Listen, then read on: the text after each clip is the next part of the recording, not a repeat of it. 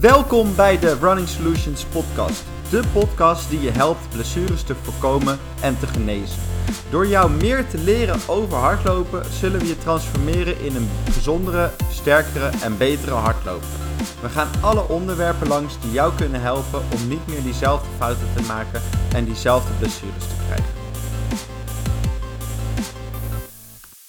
Podcast uh, nummer 10 in de serie. Uh, we gaan uh, vandaag uh, weer wat, uh, wat leuk onderwerp doornemen. En... Ja, maar eerst, daar moest ik zo om lachen. Je had commentaar gehad van iemand, zei je. Ja, ja. vorige podcast uh, zijn wij vergeten ons voor te stellen.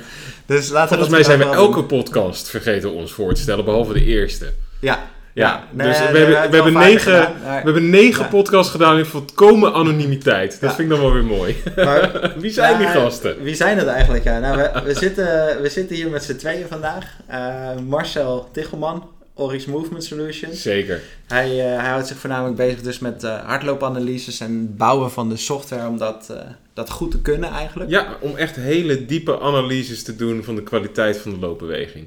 Ja. ja. En ik, uh, Jorin Kams, uh, ik ben de eigenaar van Running Solutions. Goeroe in het de begeleidt zoveel toplopers in de wereld. Nou ja, de, dus uh, nou, dat, dat zijn wij. En dat is nu, nu duidelijk, denk ik. Dan kunnen we mooi door met het onderwerp van vandaag. Ja, dat lijkt me zeker, ja. We gaan het vandaag hebben over een, toch wel een mythisch onderwerp. Het is toch een van de uh, van de grote onderwerpen in het lopen. En we hebben in het begin van de serie hebben we het over voetlanding gehad. En toen ja. zeiden we, we gaan nog meer mythes uh, ontkrachten. Ja, of bevestigen. Of bevestigen. Ja. Uh, vandaag gaan we het dus hebben over strekken, rekken en strekken. Ja. Dus het, ja, rekken, strekken van hardlopers. Hoe, hoe belangrijk is dat? Waar moet je op letten? Wat moet je wel en niet doen? Daar gaan we het eens, eens over hebben. Ik ben nu al benieuwd naar alle reacties. Ja, Laat dat ook vooral weten. Als je het hebt geluisterd, laat vooral even weten wat je ervan vindt. Uh, of je het goed kan toepassen. En als je andere vragen hebt of opmerkingen, aanmerkingen, dan, uh, dan horen we dat wel graag. Op het e-mailadres, wat we aan het einde van de podcast nog een keer gaan noemen. Ja. ja dat is goed hè, dan blijven mensen de hele podcast luisteren. Natuurlijk. Ja, hey, maar wat is, uh, wat is rekken? Laten we daar eens mee beginnen. Wat, wat houdt het nou eigenlijk in? die vraag die stel je aan mij. Ja, die stel je ja, aan jou. Dat vind ik raar, want jij bent de therapeut. Eigenlijk zou ik die vraag aan jou moeten stellen. Wat, wat is rekken nou daadwerkelijk? Want ook daar alleen al zijn superveel verschillende ja. nee, opvattingen over. Nou, wat je in zekere zin zou kunnen zeggen is... Uh, je wilt je spier langer maken als je gaat rekken. Dat is waarvoor mensen rekken. Die zeggen bijvoorbeeld, ik voel wat stijve spieren, stramme spieren. En nou, die, ga ik eens, uh, die worden wat kort voor mijn gevoel. Dan ga ik hem rekken, dan wordt hij langer. En dan kan ik wat soepeler bewegen. Dat is over het algemeen uh, de opvatting. En dan denk ik dat we daarbij over statisch uh, rekken hebben. Dus je spier op rek zetten, 20 tot 30 seconden vasthouden. En dan dat een paar keer doen of zo. Dus en, ook een, een, een, methode die veelvuldig door therapeuten wordt toegepast. Hè? Dat is dan een, thera dus een, een therapeutisch de, rekken. Ja. ja. Dat is iets, iets wat heel veel voorkomt. En uh, nou, de laatste jaren, dus dan hebben we het over de laatste 15, misschien wel 20 jaar, is er best heel veel wetenschap over uitgebracht die, uh, die daar niet per se uh, ten goede aankomt. Nee, er is behoorlijk wat discussie gekomen inderdaad over het fenomeen statisch of dynamisch rekken. Ja. En ik denk wat we het vandaag even over gaan hebben is... Wat zijn nou de verschillen tussen die twee? Mm-hmm. Waarom zijn ze wel en niet goed? Wanneer moet je vooral rekken en wanneer moet je het misschien ook wel vooral niet doen? Ja. Um, en um, misschien gaan we ook nog wel wat nieuwe terminologie introduceren. Hey, uh, je hebt dus statisch rekken en dynamisch rekken, je noemde het al even. Uh, statisch is dus uh, lang vasthouden en uh, dat doe je dan voor 20, 30 seconden één spier of één spiergroep. En dat doe je dan bijvoorbeeld voor of na je training of je doet het verschillende keren per week of zelfs verschillende keren per dag. En een belangrijk kenmerk ervan is dat het meestal toch buitengewoon onaangenaam aanvoelt. Ja, of, of, of juist, uh, juist prettig, hè? Dat, dat hoor ik ook heel ja, vaak. Ja, daarna wordt het ja. prettig. Maar de rek zelf is eigenlijk is nooit prettig. Nee. Nee. nee.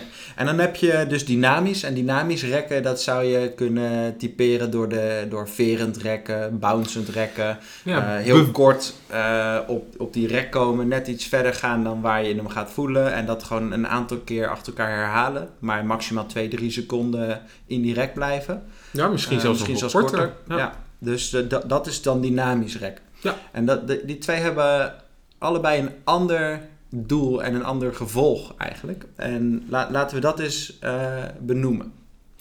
Welke zullen we beginnen? Bij statisch of bij... Statisch. Statisch. Nou, statisch rekken is daadwerkelijk het idee dat je dan die spiervezels uit elkaar moet trekken, toch? Ja. Het, de, de, de, de, gedachte erachter zou zijn dat die vezels in elkaar gekrompen zijn. Ja, het is een mhm. beetje moeilijk om uit te leggen natuurlijk, maar die spieren die schuiven in en uit elkaar. Het zijn een soort van, eh, nou ja, vliesjes die in een kokertje steken en er weer uitkomen. En dat aan twee kanten. En als je dat dan heen en weer laat gaan, dan kan een spier samentrekken. Nou, en als die te veel dicht op elkaar zou zitten, te veel in elkaar geklonken zouden zijn, dan kun je door statisch rekken ze uit elkaar trekken, toch? Ja.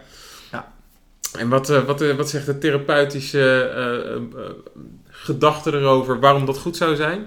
Nou, wat je, wat je als doel kan, kan hebben is om je, om je mobiliteit, hoe, hoe bewegelijk is jouw lijf in een gewricht of in een spier, of in de combinatie daarvan, hoe, die moet een bepaalde bewegelijkheid hebben voor wat je gaat doen.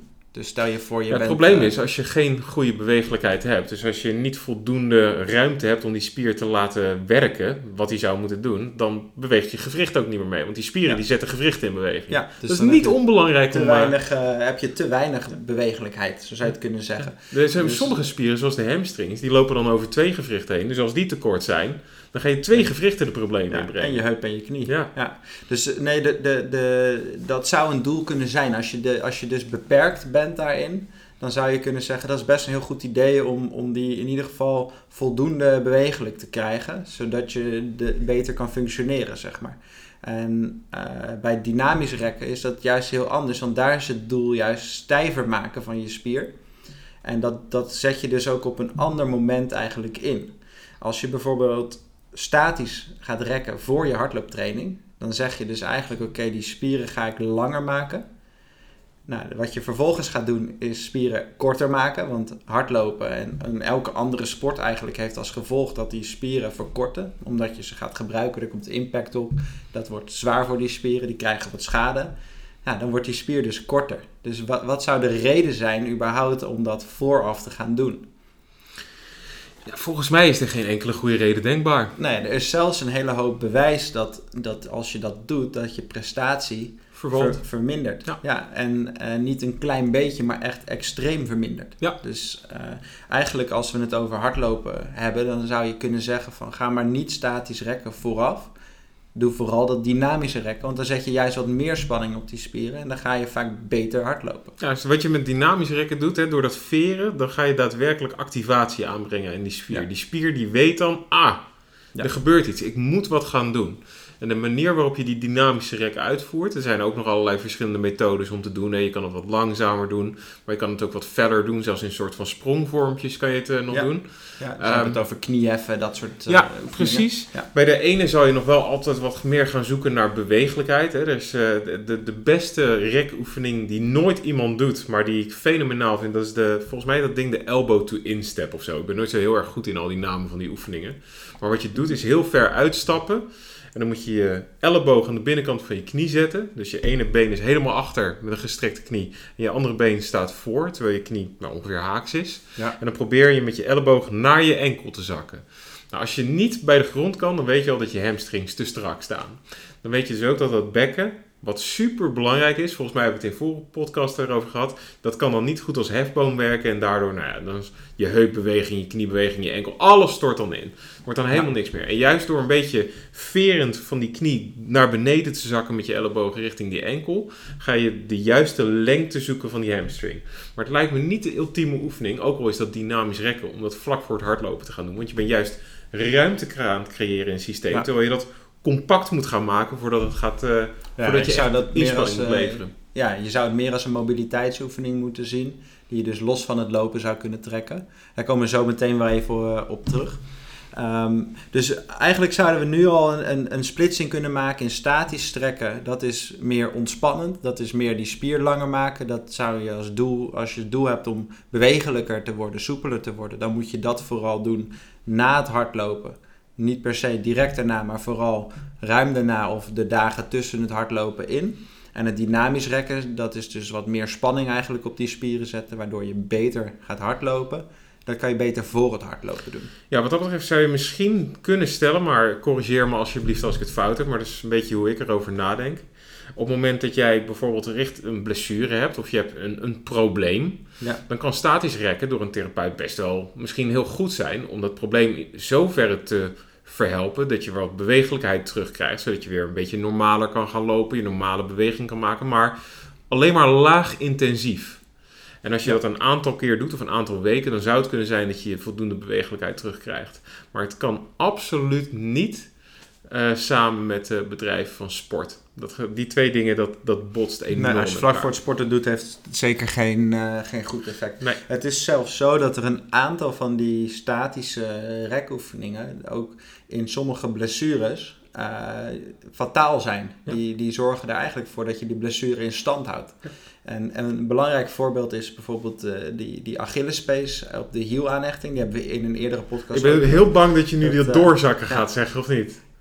Nou, dat, dat op een trapje staan ja, en dan... Dat is, dat is, oh. dat is, uh, dat is niet, niet te goed. Nee. Oh. Dat hebben we in die, in die podcast over Achillespezen doorgenomen. Met uh, maar het is Dennis Licht was met, Dennis, ja. ja. En, een, en een andere uh, van, de, van de blessures waar je mogelijk eigenlijk niet moet gaan rekken. En dat ligt een beetje aan welk type je hebt, maar heupklachten. En heel veel heupklachten is het zo dat het, dat het echt erger wordt als je gaat rekken. Dus dat is, dat is eigenlijk een fout iets om te doen in die blessure. Dus rekken is in het geval van blessures ook nog heel erg blessure specifiek. Mag het wel, mag het niet? En hoe moet je het dan doen? Dus daar moet je echt goed, uh, goed over geïnformeerd worden. Als je zo'n blessure hebt, moet je echt zorgen dat je daar uh, de juiste rekmanieren eigenlijk gaat gebruiken. Nou, misschien voordat we verder gaan, is het dan misschien handig om te zeggen dat we een verschil moeten gaan maken tussen wat je net al zei, stram of stroef voelen. Dat het lastig gaat. Dat je voelt dat je niet echt heel veel bewegelijkheid hebt. Dan heb je mhm. een probleem. Ja. Of wil je daadwerkelijk je bereiden op een inspanning, waarbij je hoog intensieve bewegingen moet gaan maken. En wat je, en het klinkt heel vreemd en daarom die termen die worden een beetje door elkaar gebruikt, maar daar ben ik niet zo'n hele grote voorstander van. In de topsport hebben we het heel vaak over stiffness. We willen juist stijfheid in het lichaam aanbrengen om goed te kunnen presteren. Dus stijfheid is misschien helemaal niet zo'n goede term om te beschrijven dat je, als je je stijf voelt, dat je moet gaan rekken. Dat is misschien wel hartstikke fout om dat te zeggen. Dus als je je stram of stroef voelt en het gaat lastig, dan kan het heel goed zijn om te gaan rekken. Om beweeg... Pijnlijke spieren. Juist, ja. Dan wil je bewegelijkheid terugkrijgen. Je wil je gewoon weer wat losser gaan voelen. Hè? Dat je gewoon alle bewegingen kan maken die je maar wil. Maar als je gaat sporten en je gaat je voorbereiden, dan wil je juist stijfheid in het systeem gaan aanbrengen. Ja, dus, stijve, stijve lichaam. Dus hoe gek het ook klinkt, als we stijf zijn, gaan we dus maar beter niet meer rekken. Of we nu zeker niet statisch rekken en dynamisch rekken gaan we op een bijzondere manier doen waarschijnlijk. En wat wel grappig is, is om te benoemen dat ik werk nu al een aantal jaren al met, met, met wereldtoppers op de marathon. Op kan je namen noemen? Marathon. Ja, gaan we niet doen. Maar, maar hele grote, Altijd zo bescheiden, die jongen. grote, grote, snelle atleten die, die goede cv's hebben, laat ik het zo zeggen. Je hebt een wereldrecordhouder um, onder je handen gehad, toch? Ja, onder andere. Ja. Maar wat, wat, het, wat het is, is zeg maar die, als we die lopers gaan bekijken van hoe bewegelijk zijn die, die zijn best wel, best wel oké in, in bewegelijkheid. is lang niet gek. Maar die zijn best wel stijf. Ja. En die zijn eigenlijk helemaal niet zo soepel. En als we de wetenschappelijke literatuur erop naslaan, dan zie je dat die topsporters over het algemeen best wel stijf zijn. Ja. En in een aantal gewrichten is het voor het lopen nog heel belangrijk ook om hun prestatie te verbeteren. En misschien is het leuk om dat eens, eens te benoemen vanuit een, een uh, bewegingsanalyse perspectief. Want ik kan, ik kan wel zeggen van hey, het, is, het is mooi om een beetje stijf spieren op bepaalde plek te hebben. Maar er is ook een goede reden voor dat dat zo is. Ja, nee, zeker. Het, het, wat heel geestig is, een van de dingen die wij altijd doen, op het moment dat wij ook als wij topatleten gaan testen, is dat we ze ook even, even laten wandelen. En wat daar super interessant aan is, is dat atleten die super goed kunnen rennen, dat zijn, die kunnen, als je naar dat wandelpatroon kijkt, dat ziet er verschrikkelijk uit. In sommige gevallen, nou sterker nog niet eens in sommige, maar in de meeste. De meeste gevallen inderdaad. Ehm, eh, als je mij een, een uitslag van zo'n test zou geven en ik zou puur naar de data kijken, maar je zou mij niet vertellen wie er getest is, dan is de kans best aannemelijk dat ik ga zeggen, nou deze persoon die zit of de hele dag achter een eh, bureau op zijn kantoor, of uh, 70, 75 jaar oud. Dat is het hele typische. Van het wandelen, hè? Daar het wandelen. wandelen. Ja, dus als je ze ziet wandelen, dan, dan, dan nou ja, die, die heupen, dat gaat allemaal niet. En uh, de, die knieën, dat, dat, dat is allemaal maar heel moeilijk. Allemaal omdat spieren blijkbaar daar niet echt een hele grote bijdrage aan willen leveren. Maar gaan ze rennen, dan kunnen ze ineens hebben ze een fantastisch beeld laten zien. Dan zijn die patronen die zijn goed. Um, en um, wat die atleten dus van nature hebben, is een vorm van stiffness, dus stijfheid in het systeem. Ja. Nou, we hebben het in uh, uh, aflevering 1, 2, 3 hebben we het gehad over die forefoot landing en de, de ja, heel landing. Ja. ja. En één ding wat we daarin hebben gezegd is dat op het moment dat jij neerkomt eh, op de grond met je voet, dan wil je dat die enkel een beetje neutraal blijft. Dan moet je niet heel erg doorheen zakken. Als jij weer verder stapt naar voren, dan moet die voet niet heel lang aan de grond blijven. En de hoek tussen de voet en het onderbeen, die mag niet te scherp worden. En we noemen dat dorsaal flexie van de enkel. Google maar een keertje op dorsaal flexie. En dan zie je precies de hoek van de enkel waar die dan in komt staan. En dat is om meerdere redenen niet goed. Daar hebben we het volgens mij toen ook over gehad. En ik denk dat je met Dennis Licht het er ook over hebt gehad. Ja. Dus wat je wil, is dat die spieren stijf genoeg zijn. Daar moet je geen spierkracht willen leveren. Maar die spieren moeten al stijf genoeg zijn. Dat ze die enkel precies in die mooie neutrale stand houden. Ja, ongeveer 95 graden, 90 graden. Ja, zoiets. En wat je dan hebt, is dat er allerlei energietransporten door dat been kunnen lopen. En het mooie is ook dat energie kan vervoerd worden dan naar de heup, waar je ook veel stijfheid moet hebben. Een andere podcast die we hebben gehad is dat we zeiden: als jij op één been staat, dan mag de open helft van het bekken, dus het been wat aan het zwaaien is, dat mag niet naar beneden zakken. Die heup die moet een beetje, of eigenlijk als je aan de voorkant kijkt, dat bekken dat moet een beetje neutraal blijven. Dat moet een beetje horizontaal zijn qua stand. Daarvoor heb je nodig stijfheid. Ja. Dus ironisch genoeg, en daarom is stijfheid zo'n verkeerde, uh, heeft zo'n, dan leg je een verkeerde link met rekken. Als je gaat rekken, dan haal je al die stijfheid eruit. Wat je dus in feite doet, door te rekken haal je de gunstige voorwaarden eruit waardoor jij überhaupt goed kunt presteren. Ja, we zouden het kunnen vergelijken denk ik met een, uh, met een vering. Laten we bijvoorbeeld de vering van je fiets of van je auto. Of ja, gewoon een springveertje inderdaad. Ja. ja, je hebt ook wel die, die, die veringen die, uh, die ze aan kinderen geven om van de trap af te gooien. Ja. Weet je wel? Die, ja, dat heeft een zo naam. Die, nou, zo, dat zijn dingen die, die zijn enorm uitrekbaar. Maar die, die geven eigenlijk helemaal niet mee. Als je die laat vallen, dan is het gewoon plat op de grond. Ja. Ehm, eigenlijk wil je dus die, die vering van die auto is het eigenlijk ook zo. Als die vering te slap wordt, dan, dan ga je bij elk hobbeltje, dan ga je gewoon op het eind van je vering komen. Ja. En als je dus heel erg gaat rekken in die spieren, en die worden dus wat te soepel, worden heel erg soepel, dan neemt die vering die die spier zou moeten hebben, die neemt af. Ja. En dan krijg je dus die, die vrij diepe gewrichtstanden waar je eigenlijk niet in wil komen. Ja, wat er, wat er gebeurt dan, uh, ze noemen dat in de wetenschappelijke literatuur ook daadwerkelijk het uh, spring mass effect, dus het, uh, het springveer effect. Ja. Wat er gebeurt op het moment dat jouw veer inderdaad te diep inzakt, dan verdwijnt de stijfheid eruit, maar daardoor verlies je heel veel energie. En wat is nou de, de, de belangrijkste taak die het lichaam zichzelf oplegt? Is dat als hij bewegingen maakt, dat hij sorry, dat die daar zo min mogelijk energie voor willen aanwenden. Ja. Dus, wat willen we? We willen stijfheid, want we willen wel die klap een beetje opvangen. Maar we willen daar ook tegelijkertijd, als dat stijf genoeg is, wat gebeurt er nou in zo'n veer als je hem samendrukt? Daar wordt daadwerkelijk energie in opgeslagen. En als dat een heel kort contact is, een kort contact met de grond, en dan kan ook weer snel uh, uitveren, zo gezegd, dan herbruik je dus die energie. En het probleem is, als je te diep in kniehoeken gaat, dan verdwijnt die energie. Die wordt gewoon omgezet in warmte, die wordt afgevoerd. En dat is weg, dat adem je letterlijk uh, weer uit. Um, en dan moet je ook spierkracht echt gaan leveren om weer door te stappen. Ja. Dus daar stijfheid van, uh, van, van veren is super belangrijk. Je kan wat dat betreft ook vergelijken met de wegligging van auto's. De auto's die het beste presteren, dat zijn uh, de, de, nou ja, de Formule 1 auto's van deze wereld en de Ferraris en uh, noem ze allemaal maar op. die zijn behoorlijk stijf geveerd, zodat ze ook hun vermogen allemaal goed kwijt kunnen, ook in bochten. Terwijl op het moment dat je door die vering heen zakt, ja, dan kan je ook veel minder hard door de bocht heen, want anders zou je er gewoon uitdriften, zo gezegd. Wat leuk is om daarbij uh, te zeggen is, dat is ook wel, wel mooi. Als je uh, zeg maar die stijfheid dan, dan hebt, dan krijg je dus dat springveermechanisme. En dat is eigenlijk gratis energie. Ja. Want als je voet de grond raakt en je hebt die, die impact en dat sla je dus eigenlijk op En dan komt een percentage daarvan komt weer terug.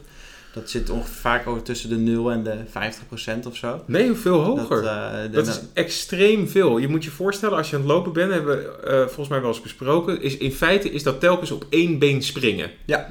Um, en als je dat even vergelijkt met, het is een, makkelijk vergelijk, uh, bijvoorbeeld kangoeroes, die springen met dat, twee ja, benen. dat bedoel ik. Die komen neer op de grond. Dat systeempje is heel stijf, dus dat veert maar een heel klein beetje in. Ja. Daar wordt die energie wordt opgeslagen, die vrijkomt uit de grondreactiekracht, zoals dat heet. Hè? Impact. Ja, dus de, stel Jij, jij laat een bal op de grond vallen, die bal die heeft een zeker gewicht. De grond drukt met hetzelfde gewicht weer terug en dat, dan komt er een bepaalde waarde qua energie komt er vrij.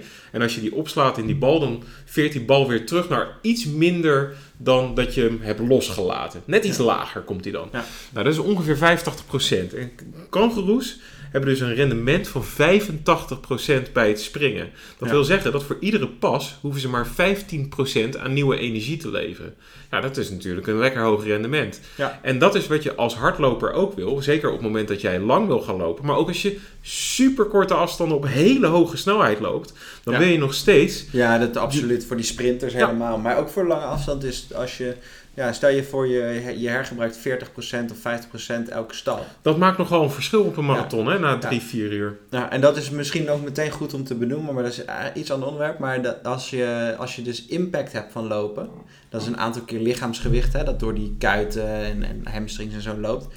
Da- dat, Daar hergebruik je dus een deel van. Dus Ja. als je een percentage van één keer lichaamsgewicht of vier keer lichaamsgewicht gebruikt, dat is nogal, als hetzelfde percentage is, is nogal een verschil aan gratis energie. Wat sterker nog, dat zijn krankzinnige verschillen. Dus het is helemaal niet zo gek om een beetje impact te hebben. Feitelijk dus, als we het eh, onderwerp van vandaag bekijken, rekken en strekken is funest voor stijfheid En dus voor prestatie. en voor prestatie. Ja. Als we dan kijken van eh, het doel van rekken is dus of prestatieverbetering. Dan zou je dus dynamisch rekken voor, voordat je training eh, er is. En eh, het kan ook zijn dat je mobiliteit wil verbeteren. En Ja. dan hebben we het dus over blessurepreventie. Dan hebben we het over goed kunnen bewegen. En dan is het dus wel een heel belangrijk onderwerp om, om aan, aandacht aan te besteden als, als hardloper. Ja. Maar dan moet je dat eigenlijk dus los gaan trekken van je hardlooptraining. Nou ja, sterker nog, ik, ben, ik persoonlijk ben er fan van. Ik heb ooit eh, de- met eh, Virgil Spear, dat is een oud, volgens mij is die ooit nummer 2 of 3 op de, op de sprintnummers van Nederland. Die kon, Ja. Hij komt wel een beetje. En hij heeft een heel leuk bedrijf, dat heet eh, Movement Based Athletics, geloof ik. En die, eh, die, eh, die vertelde mij ook, wat, wat je eigenlijk wil doen, is dat je eerst gaat zorgen dat je voldoende mobiliteit hebt om veilig en goed al je gewrichten te kunnen bewegen, maar niet te veel. Ja. Je wil geen turnster worden bijvoorbeeld. Ja. Je moet niet hypermobiel worden zoals je dat netjes noemt. Maar vervolgens als je dan die voldoende mate van mobiliteit hebt, dan kan je ook die stijfheid erin gaan bouwen. Dus wat je in feite doet, is op de dagen bijvoorbeeld dat je niet sport, dan ga je eh, als, eh, nou ja, rol je yogamatje maar uit en ga maar liggen en, eh, en doe maar de pigeon pose en breng die handen maar lekker op lengte. Maar de dagen dat jij gaat trainen, wat ik meestal met mijn klanten deed en eh, wat ik zelf ook nog altijd doe, of wat ik ooit heb gedaan, is dat je, eh, ik deed een programma van 28 of 30 dagen, tweemaal daags, eh, flink wat eh, dynamische rekoefeningen en wat yoga dingetjes erin. Ja. Sindsdien heb ik, ik denk dat ik al 10 jaar volledig bewegelijkheid heb. Eh, nooit meer echt hoef te rekken en strekken. En alleen vooraf dat ik ga lopen, ga ik wat, wat pliometrische oefeningetjes doen, waar jij zo direct nog wel wat meer over kan zeggen. Ja. Ik denk dat jij daar al heel veel mooie voorbeelden van hebt. Oh, absoluut. Ehm, ehm, maar dan heb je in ieder geval de basisvoorwaarden gecreëerd dat je goed kan bewegen. Ja. Dat je eigenlijk al niet zo heel veel aandacht meer hoeft te geven aan dat onderwerp wat we eigenlijk helemaal niet zo leuk vinden met z'n allen. Het rekken of het strekken. Ja. Dat je gewoon lekker meteen kan gaan lopen. En wat je hoeft te doen, waar we het in het begin van de podcast over hadden. Dat dynamische rekken, die spier activeren. Om eh, die spier te laten weten dat hij aan de bak mag.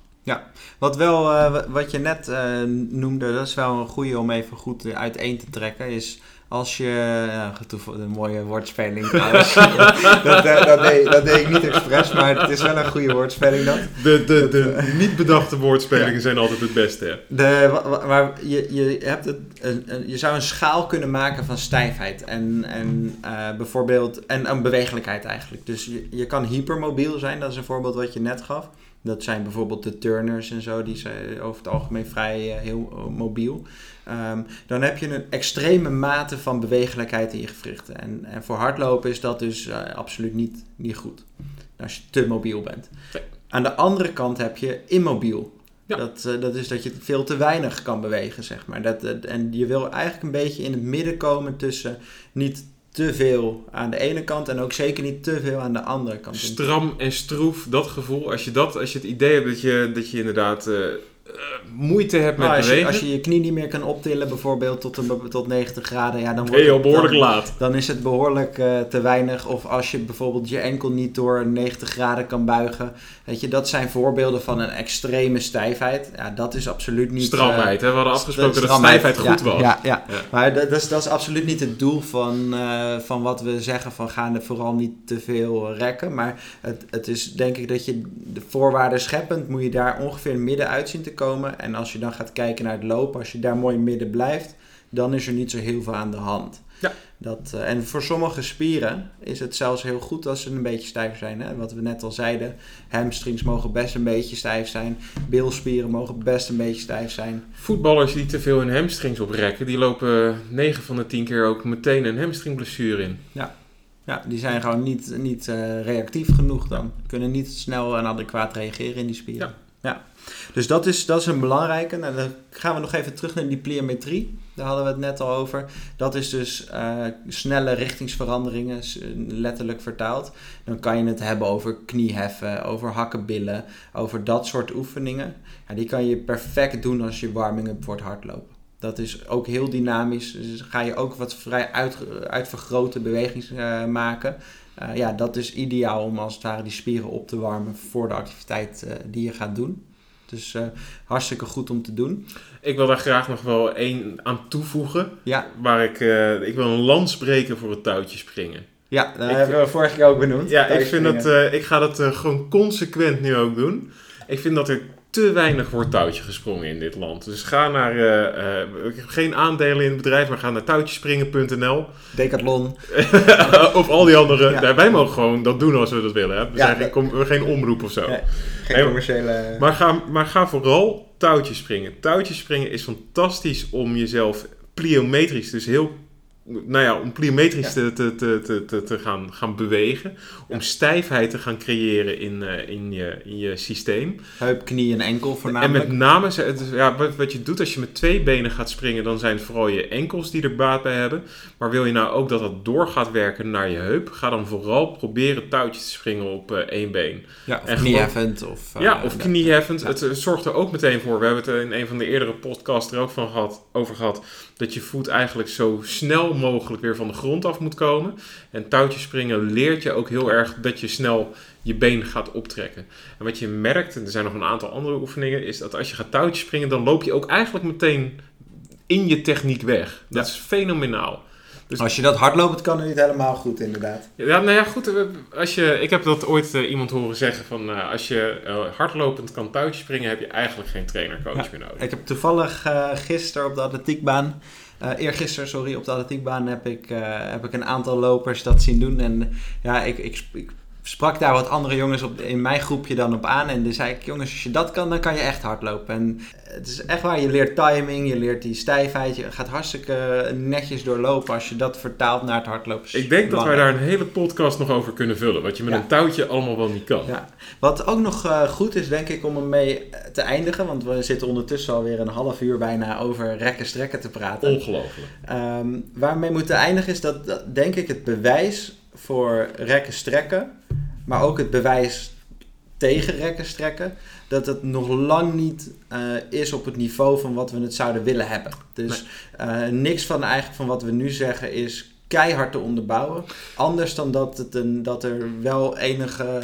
uh, bewijzen zijn, bijvoorbeeld dat het statisch rekken voor het hardlopen niet super veel zin heeft. Ja, maar er is ook wel volgens mij bewijs dat statisch rekken na het hardlopen niet zo goed is. Hè? Die spier die ja. is al helemaal beschadigd, hè? want die vezels, ja. als je die heel erg gaat aanspreken, dan beschadigen ze. Dat is gewoon een kenmerk van training. Spieren beschadigen, ze gaan zich herstellen en komen daar als het goed is net ietsjes beter uit. Ja. Ehm, eh, maar als je die boel dan gaat oprekken, dan ga je nog harder beschadigen. Dus statisch rekken is eigenlijk buiten blessures of echt serieuze beperkingen om nooit echt een heel erg goed idee. Absoluut. Het enige wat, wat ik daarbij wil als side note wil doen, stel je voor, jij, jij luistert dit nu als hardloper en je doet dit al 20 jaar. Tegen het muurtje aan. En, en dat gaat goed. Ja, ga vooral niet te veel veranderen. Laat lekker hoe het, hoe het is. Maar merk jij voor jezelf van, hé, hey, ik ben een hardloper, ik doe dit al een hele tijd en het, het werkt eigenlijk niet zo goed. En misschien denk je nu wel, oh ja, nu snap ik waarom dat niet zoveel voor me doet. Of dat je denkt van, nou, ik doe dat wel, maar ik merk er vrij weinig van hoef ik het wel te doen? Nou, stop er dan ook vooral mee. Sterker nog, je kan je ook afvragen, als je het al 20 jaar doet en je hebt er geen problemen mee, dan is dat prima. Maar het zou best wel eens kunnen zijn dat als je er nu mee stopt, dat je beter gaat presteren. Ja. Ja, maar ik, ik wil niet, uh, ik zal niet zeg maar stellig zijn in van stop er vooral mee en, nee. uh, en, en dat is zeg maar niet de bedoeling. Uh, dus als je je goed bij voelt, moet je het vooral wel doen. En ik denk dat het je heel veel kan brengen, maar het is, het is niet een gouden standaard. Nee, het blijft wat dat betreft, uh, denk ik, zolang als wij leven, blijft het nog wel een uh, mythe. Maar we moeten ook niet vergeten, dit zijn onderwerpen die worden pas misschien 30, 40 jaar onderzocht. En dat lijkt heel lang. Dat is niet. Maar dat is in werkelijkheid natuurlijk heel erg kort pas. Ja. We weten nog niet zo bar veel ervan. Nee, maar we hebben wel een duidelijke indicatie van wat je wel niet, uh, niet kan doen. En ik denk dat de loper daar wel veel aan heeft. Ja, en nou weet ik dat jij uh, in jouw aanpak ben je wat holistischer dan, uh, dan uh, de meeste therapeuten die ik in ieder geval ken. Jij kijkt toch wat dieper, of in ieder geval wat verder dan, dan de, de, de hele geïsoleerde plekken in het lichaam. Het is heel vaak wordt er gedacht dat, en dit is even een hele korte, ja. raken we hem even aan. Heel vaak wordt er gedacht dat uh, het gaat om het oprekken van spieren. En um, um, nou, ik hoor zelfs mensen pezen oprekken. Ja. Uh, nou, dat vind ik helemaal een spannende gedachte. Ja. Maar het gaat vaak om spieren oprekken. Wat we niet moeten vergeten, en dat is een heel moeilijk onderwerp, en daar gaan we nog een keer uitgebreid over praten. Maar dat is een, een fenomeen dat ligt vlak onder je huid. En dat is een heel bijzonder weefsel wat mega, mega elastiek is. Ja. Uh, dat heet fascia. Uh, dat is uh, gemaakt van uh, collageen, ja, meen ik. Een, bind, een bindweefsel een is bindweefsel. Ja. Dat loopt letterlijk door je spieren heen, verbindt je spieren aan botten, maar verbindt ook spieren aan elkaar. Zit in de spier, zit om de spier. Um, de, je hele lijf, dat is één grote netwerk van collageenweefsel, van fascia. En ook daar heel vaak fascia kan gaan uh, verkleven, kan gaan beschadigd raken. Ja. En ook veel stramheid, uh, stroefheid komt daar vandaan. Dat daar ergens iets in orde, uh, niet in orde is. Mm -hmm. um, nou, als je daar, als je denkt van nou die spieren die gaan wel lekker, maar ik heb andere problemen. En het trekt overal door je rug in, wat dan ook. Is het ook wel eens verstandig om misschien naar, nou ja, bijvoorbeeld naar jou te gaan, Jorin. Want, nou, wat je met die, met die fascia ziet is dat die, er liggen die connecties. En je, je, je ziet bijvoorbeeld dat... Uh, uh, spieren onder de voet verbonden zijn met die van de kuit. En de kuit weer met de hamstring, hamstring weer met de rugspieren. En dat gaat helemaal door tot aan je schedel, zelfs bovenop je hoofd. En dat is één van de, van de fascia-lijnen in het lijf. Dus er zijn er nog een heleboel uh, te vinden. Sterker nog, het fascia heeft nergens een begin of een einde. Ja. Het is één groot volledig systeem van top tot teen, letterlijk. Ja, er zijn wel een aantal structuren die duidelijk met elkaar verbonden zijn in, Ja. in één lijn, zeg maar. Ja. En die, eh, die, daar zijn verschillende lijnen van gemaakt. eh, in- om in de wetenschap, zeg maar, om daar, om daar ja, naar te kunnen kijken als therapeut. En daar kan je dan ook eh, je behandeling op aanpassen. Dus soms zie je wel dat inderdaad in die fascia's iets niet helemaal super goed gaat. En dat je daar dan aan kan werken om, om bewegelijkheid op een andere plek in het lijf te verbeteren. Ja. En dat, dat is heel interessant als je daarmee bezig gaat. En als we het daarover gaan hebben, dan gaan we het er ook een keertje, dan gaan we het er meteen ook over hebben. Dat als die fascia's hun werk goed kunnen doen, dat ze zelfs kunnen bijdragen aan stijfheid. Nou, Ja. wat willen we nog Dat, meer? dat, dat, dat is een onderwerp voor volgende, voor een volgende podcast, denk ik. Zeker. Dat, eh, ja, dan rest ons eh, te zeggen, dus eh, ga vooral dynamisch rekken voor het hardlopen. Maar dan kort en fel. Kort en fel. Daar heb ik heel toevallig, Oh. daar komen we weer, daar heb ik gewoon oefeningen voor. Nee. Op- en die staan op de website Vertel. www.runningsolutions.nl. Als je daar in de zoekbalk eh, linksbovenaan eh intypt dynamisch rekken, dan kan je daar een heel artikel over vinden. Daar zitten volgens mij, als ik het uit mijn hoofd goed zeg, acht of negen oefeningen in. Die, waar, waar je eigenlijk kan zien van hoe kan je nou dynamisch rekken, welke oefeningen zijn fijn, welke werken goed. En die kan je, kan je dan gewoon eens proberen en voor jezelf gaan testen. Dus dat zou ik je absoluut adviseren. Kijk daar eens naar als je daarin geïnteresseerd bent. En statisch trekken, ja, daar, daar gaan we, heb ik niks van. Dat, uh, heb ik Laten we ook lekker voor het is. Uh, Mocht je nog vragen, opmerkingen of suggesties hebben, hebben we beloofd aan het begin van de uitzending, stuur dan vooral even een mailtje naar de contact at runningsolutions.nl. Dus uh, daar kan je gewoon mailen en dan wij beantwoorden altijd. En uh, we hebben al een hoop uh, e-mails gehad van, van luisteraars die zeggen van hey, probeer dit onderwerp eens aan te stippen. Of ik heb dat onderwerp gehoord en dan zit je met vragen. Maar ook als je vragen hebt over je blessures of over een probleem waar je tegenaan loopt, laat het ook vooral weten. Bedankt voor het luisteren naar de Running Solutions podcast. Heb je vragen naar aanleiding van deze podcast of zijn er onderwerpen die jij graag besproken zou hebben in de toekomstige podcast? Laat het ons dan vooral weten. Dit kan je doen door te e-mailen naar Running Solutions of laat even een comment achter onder de Apple Podcast, uh, in Spotify of de andere podcast services waar we te vinden zijn.